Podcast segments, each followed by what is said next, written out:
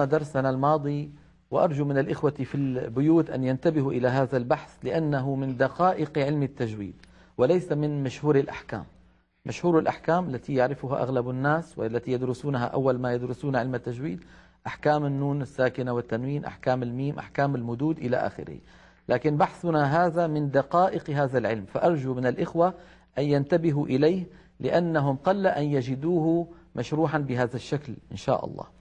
وقد يعني سافرنا من أجل هذا البحث إلى الشيوخ في بلادهم وفي آه، أوطانهم وما حصلناه بالسهولة. فخذوه أنتم هكذا آه، بالسهولة لكن انتبهوا لأنه دقيق. آه، قلنا يا إخوة بأن الحروف الشديدة ينحبس الصوت عند النطق بها والحروف الرخوة يجري الصوت عند النطق بها والحروف بين الرخوة والشديدة يجري الصوت عند النطق بها جريانا ناقصا. يعني ما ينحبس انحباسا كاملا. طيب الحرف العربي كنا قد تكلمنا سابقا أن له حالة من إحدى أربع حالات. إما أن يكون ساكنا أو يكون متحركا بفتح أو بضم أو بكسر.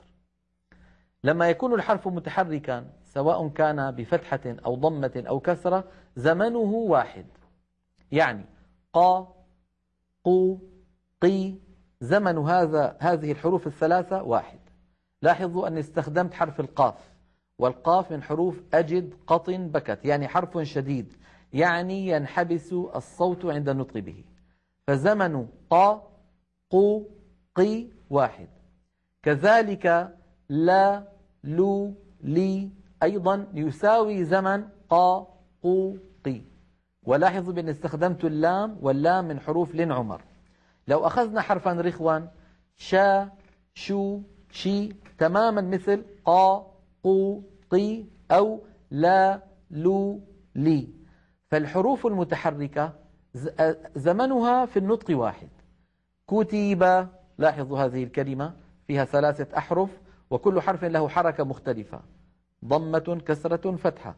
كتب فزمن كو يساوي زمن تي يساوي زمن با. هذا من حيث الحركة. إذا نستطيع أن نضع قاعدة تستفيدون منها.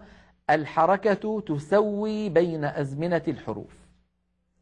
الحركة مهما كان نوعها فتحة أو ضمة أو كسرة تسوي بين أزمنة الحروف.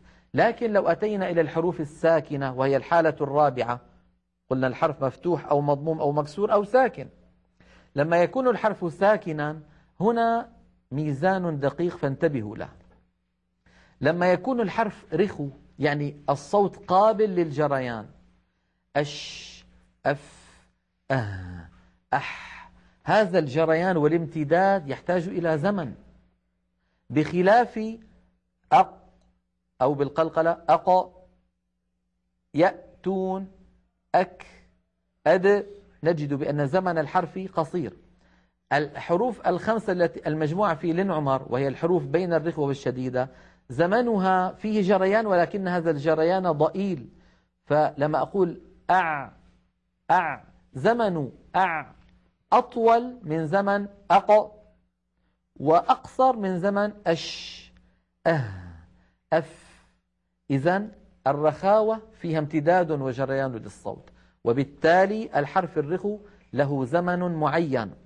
لما يكون الحرف بينيا وساكنا من حروف لن عمر أع ال أن أم يكون زمنه أقصر من زمن الحرف الرخو.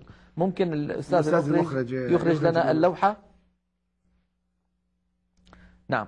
إذا مكتوب على الشاشة الثمرة العملية للشدة والرخاوة والبينية.